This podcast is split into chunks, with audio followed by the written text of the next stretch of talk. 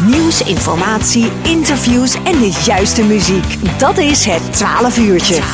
Elke zondagmiddag tussen 12 en 2 bij LOM Radio met Tom Rijmakers en Corné Kremers precies. En uh, dit bevalt ons erg goed, dit uh, op zondagmiddag uh, radio maken. Maar stel dat we nou eens iets anders zouden willen gaan doen. Ja, dan is altijd de vraag, wat wilde dan gaan doen? Nou ja, dit is voor ons natuurlijk een hobby. Maar op werkgebied is er altijd wel een dingetje. Want je hebt jarenlang iets gedaan en dan ben je toe aan iets anders. Of het bedrijf stopt, of je bent op een andere manier noodgedwongen um, een, een, andere keuze te gaan maken op werkgebied. Iemand die daar alles over weet hoe dat in de praktijk in zijn werk gaat, hebben we aan de telefoon. Angela van Berkel in Sint-Hubert. Angela, goedemiddag. Goedemiddag. Want ja, er is iets wat ik het idee heb dat we dat tegenwoordig, en misschien komt het ook wel door corona, heel vaak lezen en horen dat mensen wisselen van baan, hè?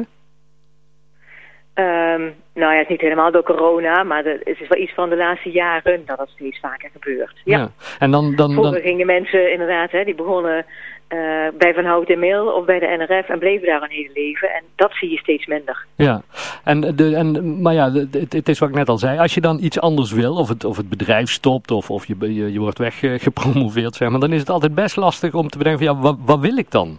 Wat zal ik eens gaan ja. doen?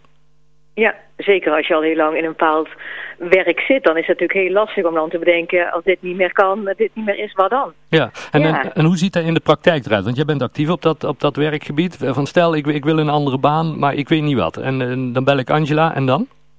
En dan gaan we samen in gesprek en dan, uh, uh, ik kan, ben geen toverdokter, hè, dus we gaan niet in één keer dat we denken, nou, het tover is uit de hoge goed en dat is het dan. Mm -hmm. um, maar door opdrachten of door testmateriaal in te zetten, gaan we stap voor stap dingen verhelderen en uh, kijken waar mogelijkheden zitten. Ja, en wat voor testmaterialen of onderzoek of vragen moet ik dan aan denken, Angela? Nou ja, iedereen heeft misschien op internet wel eens van die vragenlijsten gezien, van die online vragenlijsten. Uh, dat kan gaan over jezelf, dat kan over, vind ik allemaal leuk. Nou, dat soort vragenlijsten. Alleen ik gebruik dan uh, wel echt wetenschappelijk onderbouwd materiaal. Mm -hmm. wat verder dan wat je gratis op internet vindt. Uh, maar dat soort vragenlijsten als, als nou ja, als basis om vervolgens het gesprek aan te gaan met elkaar. Ja, en, en eigenlijk te zoeken naar, zeker als mensen wat ouder zijn, te zoeken naar aanknopingspunten. Ja. ja. Wat heb je al gedaan? Waar, waar, kunnen we daarmee op verder borduren? En merk je dan uh, de, de, vaak dat mensen dan uh, bij iets uitkomen en ze zeggen, heb ik nog nooit aan gedacht om daar aan te doen? Vaak zijn mensen wel verrast. Uh, of ze dan echt die stap ook zetten, is ook nog vers 2, hè, heel iets anders. ja. uh, maar er zijn echt hele ja, ik zie de mensen echt hele uh, andere stappen zetten. Ja. Uh, ja, van een kraanmachinist die ik nu begeleid, uh, die naar het bodemonderzoek wil. Oh. En dan nu ook in gesprek is met werkgevers. Dus ik denk zeker dat het dat gaat lukken. Dus zo zie je dat mensen echt wel hele mooie moves uh, kunnen maken. Ja, en, en, en naast dan assisteren of, of adviseren bij, bij zo'n loopbaanadvies, uh, worden mensen dan daarna ook begeleid om inderdaad in dat werkgebied iets te vinden? Dat ligt er aan, dat kan. Ik, ik begeleid mensen ook echt naar het andere werk. Dus ook met tips voor solliciteren en hoe pak je dat tegenwoordig allemaal aan. Hè? Want het ziet er ook heel anders uit dan pak een beetje tien jaar geleden met Mhm. mm -hmm. alle social media. Dus daar begeleid ik ze ook bij. Daar ligt er ook een beetje aan of mensen daar, nou ja, of daar budget voor is of dat mensen dat ook willen. Mm -hmm. ja. Maar ook dat doe ik. Ja, ja want, want solliciteren zeg je, dat, dat, ja, dat gaat tegenwoordig anno 2020 wel anders dan, uh, dan vroeger. Ja, ja, maar kun, ja, kun, nou kun, je, kun je eens toelichten hoe hij nu, uh, Anno, want ik, ik ben eigenlijk ook een hele tijd niet aan het, uh, nooit hoeven te solliciteren. Nee, nou ja, wat je, uh, het is mensen veel meer visueel, hè, dus veel meer beeldmateriaal. Dus soms worden, sommige werkgevers willen dat je een filmpje maakt van jezelf waarin je voorstelt. Oh, nou, ja. dat, dat hadden we vroeger nooit. Nee. Er moet bijvoorbeeld ook al een foto op je cv, hè, op je curriculum vitae. Nou, Ja. dat was in het verleden ook nooit. Um, LinkedIn is een hele grote bron van informatie, hoe je aan contacten komt en hoe je vacatures komt. Ja. Nou, daar zijn wat voorbeelden. Ja, ja en, en, en als werkgever heb je ook meer mogelijkheden om van tevoren te checken wie, wie is iemand door al die social media, toch? Ook dat, ja. Ja. Uh, dat wordt ook gedaan, hè. Er zit wel privacy, maar dat wordt ook gedaan. Uh, mensen worden gegoogeld, dus daar, daar dienen kandidaten zich ook bewust van te zijn. Hè? Ja. Wat is er voor mij al bekend op internet? Ja.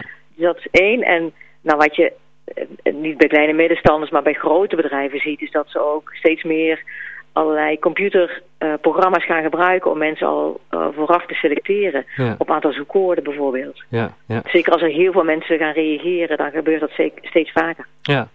Um, dat zo'n loopbaanadvies dat dat, dat, dat dat nut kan hebben of dat de, de, de, de overheid er zelfs voordeel bij kan hebben, blijkt ook uitgegeven dat per 1 december kun je zo'n zo'n loopbaanadvies gratis laten doen. Er schijnen speciaal subsidies voor te zijn.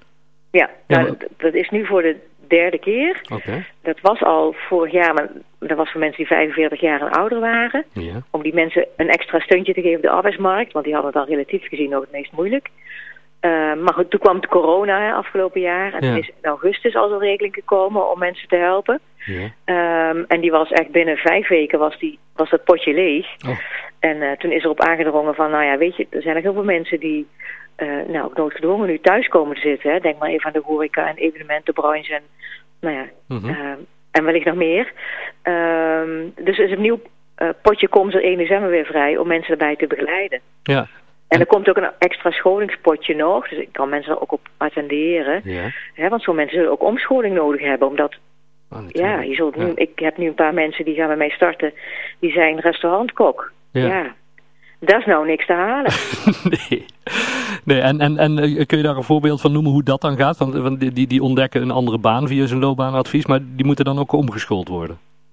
ja, kan hè. Als ze echt nodig hebben, kan zijn dat ze toch een stukje scholing nodig hebben. Ja, je bent niet zomaar een lasser, ik noem maar wat. Nee, hè, dat zul je moeten, moeten leren. Ja, en, en, Ja. en daar, krijg je de, daar, daar is ook een vergoeding voor vanuit de overheid. Nou ja, eh, niet voor alles, maar er zijn in ieder geval wel nu meer budgetten vrijgemaakt. En ik denk dat dat heel goed is. Ja. En hoe, want er zijn sectoren waar, gewoon, waar heel veel vraag is en waar die het heel goed doen op dit moment. Ehm, maar er zijn ook sectoren waar niks te halen is. Ja. Stel nou, er zitten mensen te luisteren en die zeggen ja, ik ben inderdaad eigenlijk zo iemand die, die, die op zoek is of naar een andere baan, om, omdat, omdat ik het eh, beu ben met wat ik doe, of eh, het bedrijf houdt op, of mijn functie eh, houdt op. En dat, klinkt me eigenlijk wel aardig in de oren, een, een, een subsidie voor zo'n loopbaanadvies. Hoe, hoe gaat dat in de praktijk nu? Hoe moeten mensen, welke actie moeten ze ondernemen? Nou, er is een algemene website waar mensen op kunnen kijken. Dat is de NL Leert Door. Dus daar staat algemene informatie op. En daar kan je ook zien dat je eh, een erkend loopbaanadviseur moet hebben. Mhm. Ehm, want dat vindt de overheid wel belangrijk dat je bij iemand komt hè, die ook een stukje ervaring en kwaliteit daarin heeft. Ja. En er, staan er, wat database, er staat ook een database in waar mensen in kunnen zoeken. Ja. En dan kun je op plaats zoeken. Ehm, maar goed, ik eh, kom natuurlijk uit Sint-Hubert en Ja. heb nu een kantoor in Mil. Ehm, dus mensen kunnen zich bij mij melden en ik vraag dan de subsidie aan. Dus daar hoeven ze zelf niks aan te doen. Dat doe ik. Ja. Of dat doen ook collega loopbaanadviseurs hè, die daarvoor een erkenning hebben. Ja. Hoe, hoe ben je zelf in dit vak terechtgekomen, Angela? Dit, dit, dit, dit on- ja, hoe heet dat? Coach, hè? Ja, ehm, ja, ik ben echt opgeleid als beroepskeuzeadviseur. Zo Ah, weten dat destijds nog. Ja. Dus ik zit eigenlijk al bijna 30 jaar in het vak. Dus vanaf de middelbare school ben ik al op. Toen had je, die is er niet meer, maar toen had je een opleiding voor beroepskeuzeadviseur in Tilburg. ja. En daar ben ik destijds van naartoe gegaan. Ja. Dus ik heb ik altijd in het vak gezeten van eh, nadenken over ja, wat, wat past er bij mij en welk werk zou ik kunnen doen of welke opleiding zou ik kunnen doen. Hartstikke goed. Ehm, mensen die dus meer informatie willen, kunnen altijd even kijken op eh, www.nlleerdoor.nl en dan eh, komen ze vanzelf bij meer informatie om dit eh, gaan te doen. Ehm, Ja, en anders kunnen ze rechtstreeks op mijn website, hè, Angela Ja. van Berkel kijken, daar staat ook wat op. komt het helemaal goed. Angela, hartstikke fijn dat we er even mochten bellen en dat je ons wat, wat toelichting gaf hierover. Heel veel Ja. succes met je werk. Dankjewel, Goed. Corné. Jo, houdoe. Hoi. Met mij in je leven gaat alles een stukje beter.